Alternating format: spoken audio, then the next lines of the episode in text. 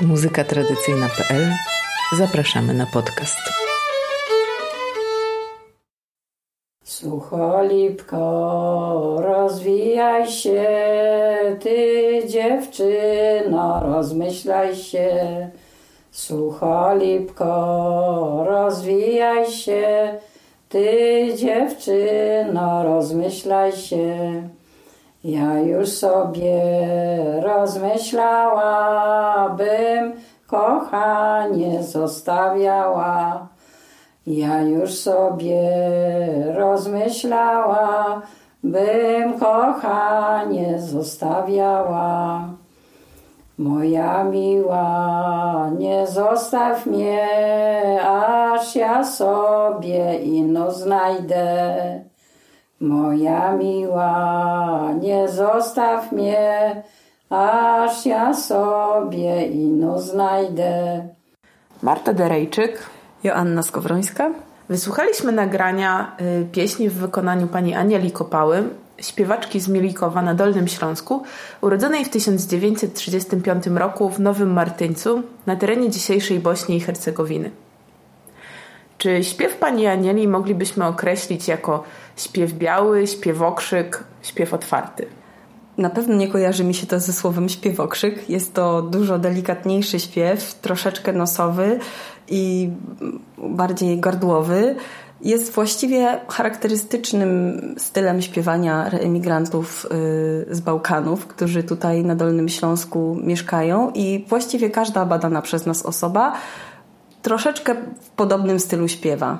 Y, czasami zastanawiamy się z koleżankami, czym jest właśnie ten y, trochę mityczny śpiew biały, którego można się nauczyć na większości y, warsztatów śpiewu tradycyjnego, szczególnie warsztatów organizowanych w miastach. Y, najczęściej jest on określany jako śpiew otwartym głosem.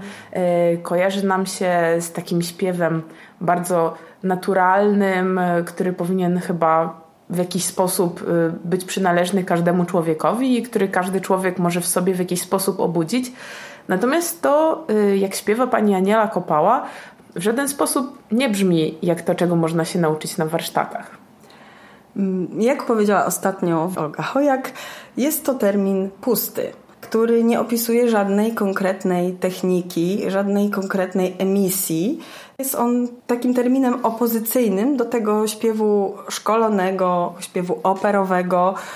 I właściwie do tego worka z napisem śpiew biały możemy wrzucić wiele rodzajów emisji i w tym określeń często ze sobą tak naprawdę sprzecznych. Sama nazwa śpiew biały wydaje mi się, że jest tłumaczeniem bezpośrednim z języka ukraińskiego, czyli sweetly, jasny, czysty, nieszkolony, przejrzysty, tak jak właśnie wspomniałaś, naturalny, pierwotny można by nawet powiedzieć.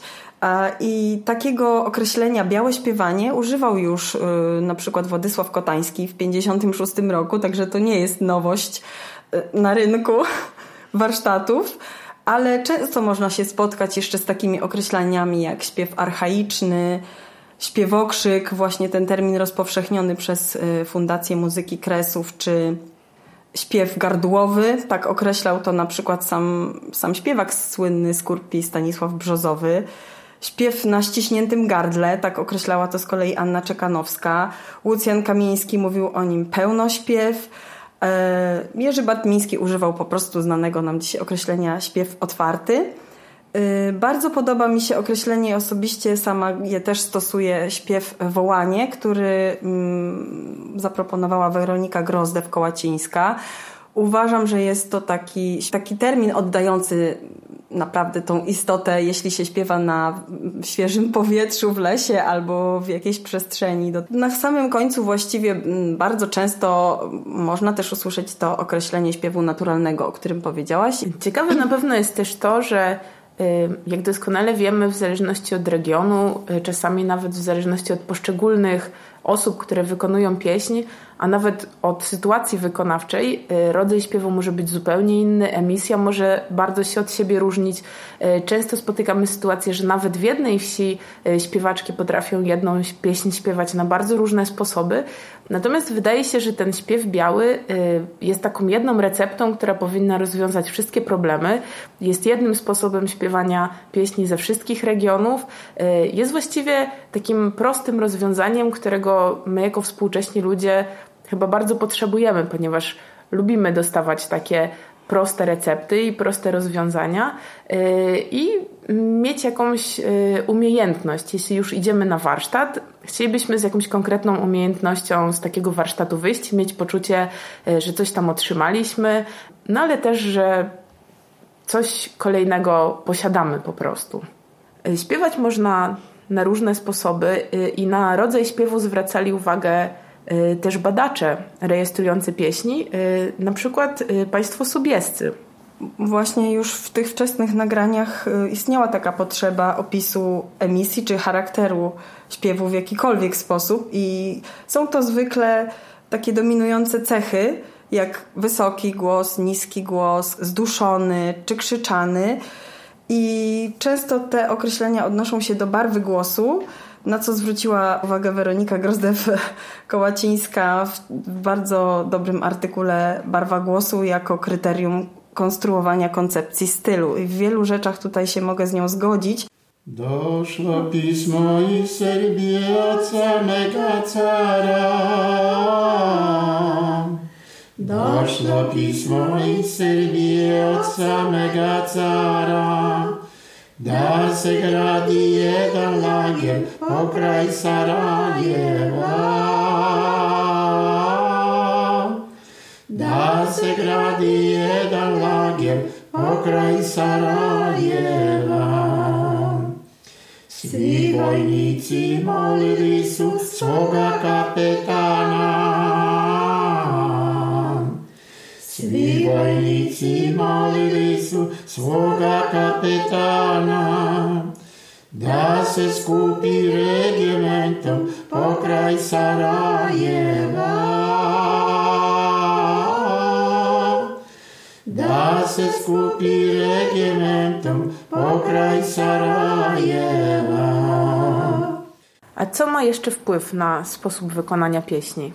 Na przykład Jerzy Bartmiński uważa, że nacisk na samogłoski, że to w jaki sposób wypowiada się samogłoski w, danym, w danej gwarze, w danej mowie i to, gdzie się kładzie akcent y, w pieśni oraz to, jak, y, jaką siłę głosów przykładamy, czyli czy śpiewamy lekko, jak pani Aniela Kopała, czy wręcz przeciwnie, mocno, jak na przykład pani Stasia Latawiec ale również jest to rezonator, czyli to, czy śpiewamy na głowę, na nos, na gardło, głucho, czy dźwięcznie, w jaki, jak, w jaki sposób wydobywa się głos z naszego ciała.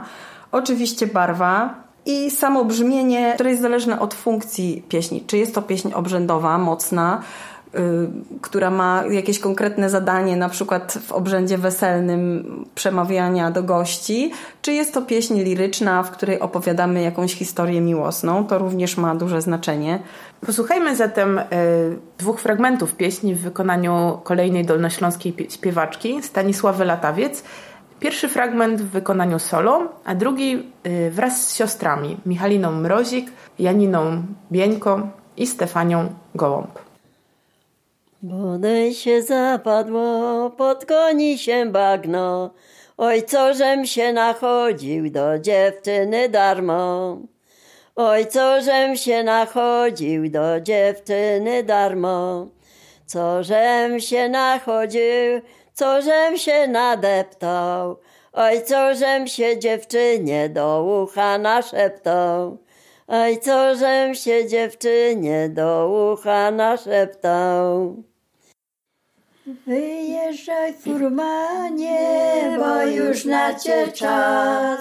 Wyjeżdżaj furmanie, bo już nacie czas. Bo tam nie przejedziesz, bo tam nie przejedziesz przez ten gęsty las.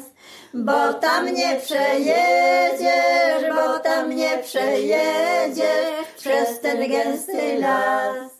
Furman wyjechał, z bata wytoczył, Furman wyjechał, z bata wytoczył. Aż tu rozbójniczek, aż tu rozbójniczek z lasu wyskoczył. Aż tu rozbójniczek, aż tu rozbójniczek z lasa wyskoczył. Jak słychać, również to, czy jest to śpiew solowy, czy jest to śpiew wspólny, ma duże znaczenie. Na pewno ma też znaczenie, czy y, śpiewa się solo, czy śpiewa się z towarzyszeniem instrumentu, y, czy jest to śpiew młodego człowieka, czy człowieka starszego, y, czy śpiewa się z kimś sobie bardzo bliskim, czy śpiewa się z osobą zupełnie od siebie obcą. Często jest tak, że możemy trafić do śpiewaczki lub śpiewaka, który na przykład może być w złym stanie zdrowia i wtedy również bardzo może różnić się jego sposób śpiewania. Natomiast y, dzisiaj bardzo często chcemy się uczyć pieśni tradycyjnych. Y, w związku z tym mm, zastanawiamy się, jak robić to najlepiej, jak y, można dotrzeć w najlepszy sposób do wiedzy na temat tego, jak śpiewać, jak można posiąść umiejętność czyjąś, czy to jest w ogóle możliwe. My wychodzimy z założenia, że najbardziej wartościowy jest zawsze bezpośredni kontakt y, ze źródłem, czyli y, z daną śpiewaczką lub śpiewakiem. Oczywiście, jeśli nie jest to możliwe, pozostają nam nagrania archiwalne, y, które również w jakiś sposób taki zapośredniczony mogą dać nam wiedzę na temat wielu archaicznych technik śpiewu tradycyjnego. Zdecydowanie kontakt bezpośredni jest najlepszym sposobem nauki. Wtedy dokładnie słyszymy, jak dana osoba wypowiada słowa, jak którędy je wydobywa, którym rezonatorem, którego rezonatora używa. E, także jesteśmy w stanie wysłyszeć jej opowieści, które są dookoła i stanowią kontekst do, do całej sytuacji, którą opowiadamy. I tego naprawdę nie zastąpi nic. Natomiast jeśli chodzi o nagrania, to faktycznie wydaje mi się, że jest to również możliwe, jeśli się dobrze wsłuchamy, jeżeli po, posiądziemy przede wszystkim umiejętność słuchania tych nagrań, bo słuchanie takiej muzyki również może być trudne i trzeba na to znaleźć y, sposób. Najlepszym sposobem, jeśli chcemy nauczyć się jakiejś pieśni od jakiejś konkretnej osoby, jest oczywiście posiadanie tej pieśni w różnych wersjach. Kiedy uczymy się bezpośrednio, tak jak na przykład od pani Bronisławy Chmielowskiej uczyłyśmy się my. Pani Bronia za każdym razem śpiewała nam inny wariant, inną wersję. Bardzo rzadko zdarza się to w nagraniach, y, żeby ta sama pieśń była nagrywana kilka, kilkanaście razy w różnych wariantach. Stąd dobrze jest znać również inne pieśni y, wykonywane przez tą osobę i wtedy wsłuchiwać się w te warianty, gdzie jest ta możliwość skoczenia w dół czy w górę, jak zrytmizować y, jakiś fragment na przykład. I w końcu słuchać również całości, czyli muzyki instrumentalnej z tego regionu, y, po prostu przysłuchać się ogólnej muzycznej sytuacji. Na pewno y, bezpośredni kontakt ze śpiewaczką, y, ale też z wieloma nagraniami archiwalnymi bardzo dobrze pokazuje, że muzyka tradycyjna nie jest jakimś bardzo prostym do określenia kanonem, w którym można łatwo wyciągnąć cechy stylistyczne regionu czy danego charakteru śpiewania. Natomiast y, bardzo dobrze pokazuje, że istnieje bardzo wiele wariantów i dopiero y, znając te różne warianty, możemy w jakiś sposób wnioskować na temat cech ogólnych danego śpiewania, cech, śpiew, cech stylu danej śpiewaczki. Pani Bronisława Chmielowska stosuje rytmizację pieśni poprzez dodawanie specjalne samogłoski i udźwięcznienia międzywyrazowe, co przy, po przeczytaniu tekstu Wyjeżdżał brat na wojenkę, możemy domyślić się, że śpiewa ona właśnie w ten sposób, po czym słyszymy nagle, że wyjeżdżały brady na wojenkę. Wyjeżdżał brady na wojenkę, wyjeżdżał brady na wojenkę, kupiły siostrze, trzy sukienki kupiły siostrze, trzy sukienki. Masz tu siostro, masz czym chodzić.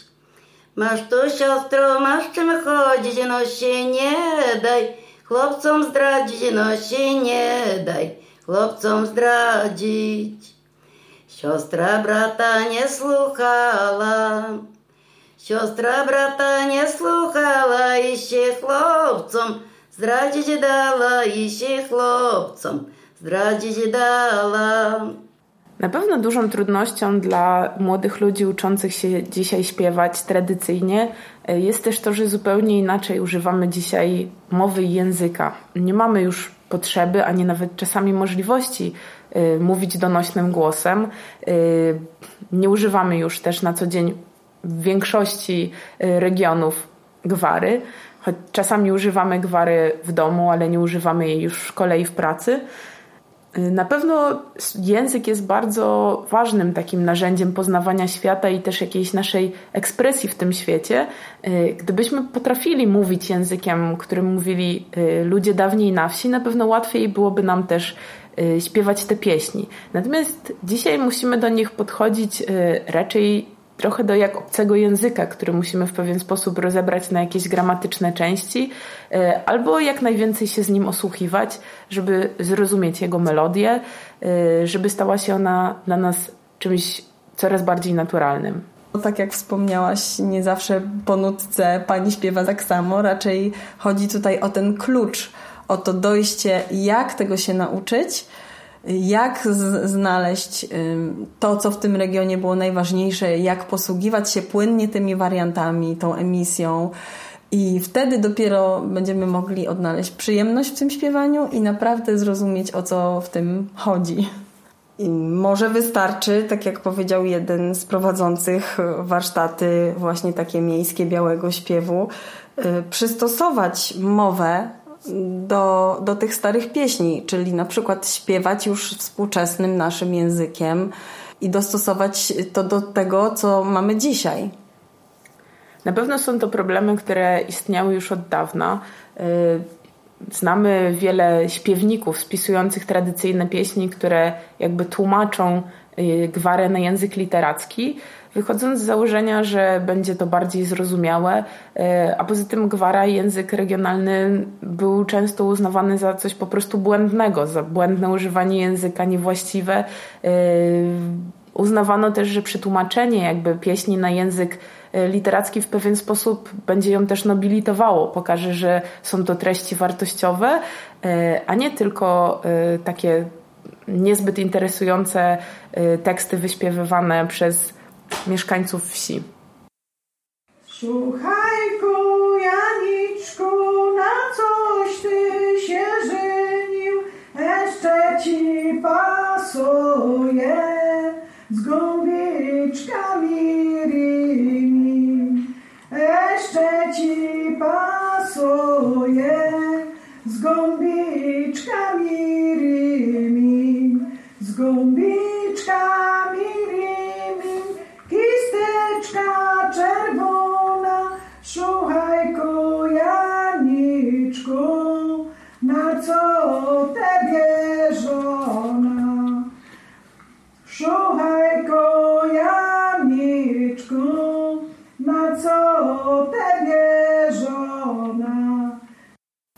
Na pewno warto też porozmawiać o współczesnych motywacjach. Skoro jest tak trudno, y, skoro trzeba tak wiele wiedzieć, skoro trzeba e, bardzo dogłębnie studiować różne sposoby e, wykonywania pieśni przez poszczególne śpiewaczki, sposoby śpiewania w różnych regionach, sposoby śpiewania dawniej, sposoby śpiewania dziś.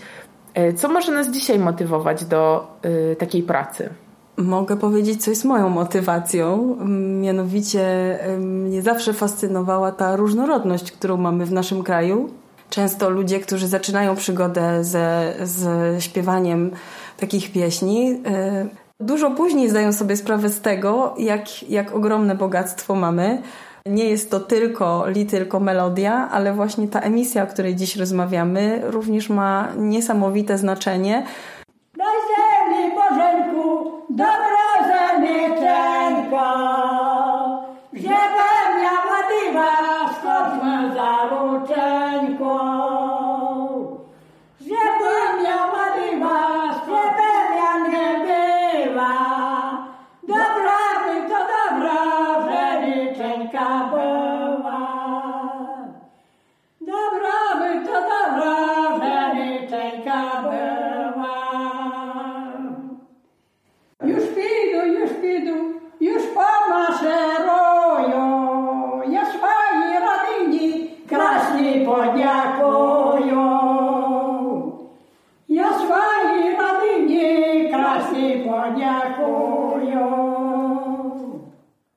tym nagraniu słyszymy też y, coś takiego, co nas bardzo pociąga w takim śpiewie tradycyjnym, czyli y, w pewien sposób zawarta w nim taka trochę mityczna archaika.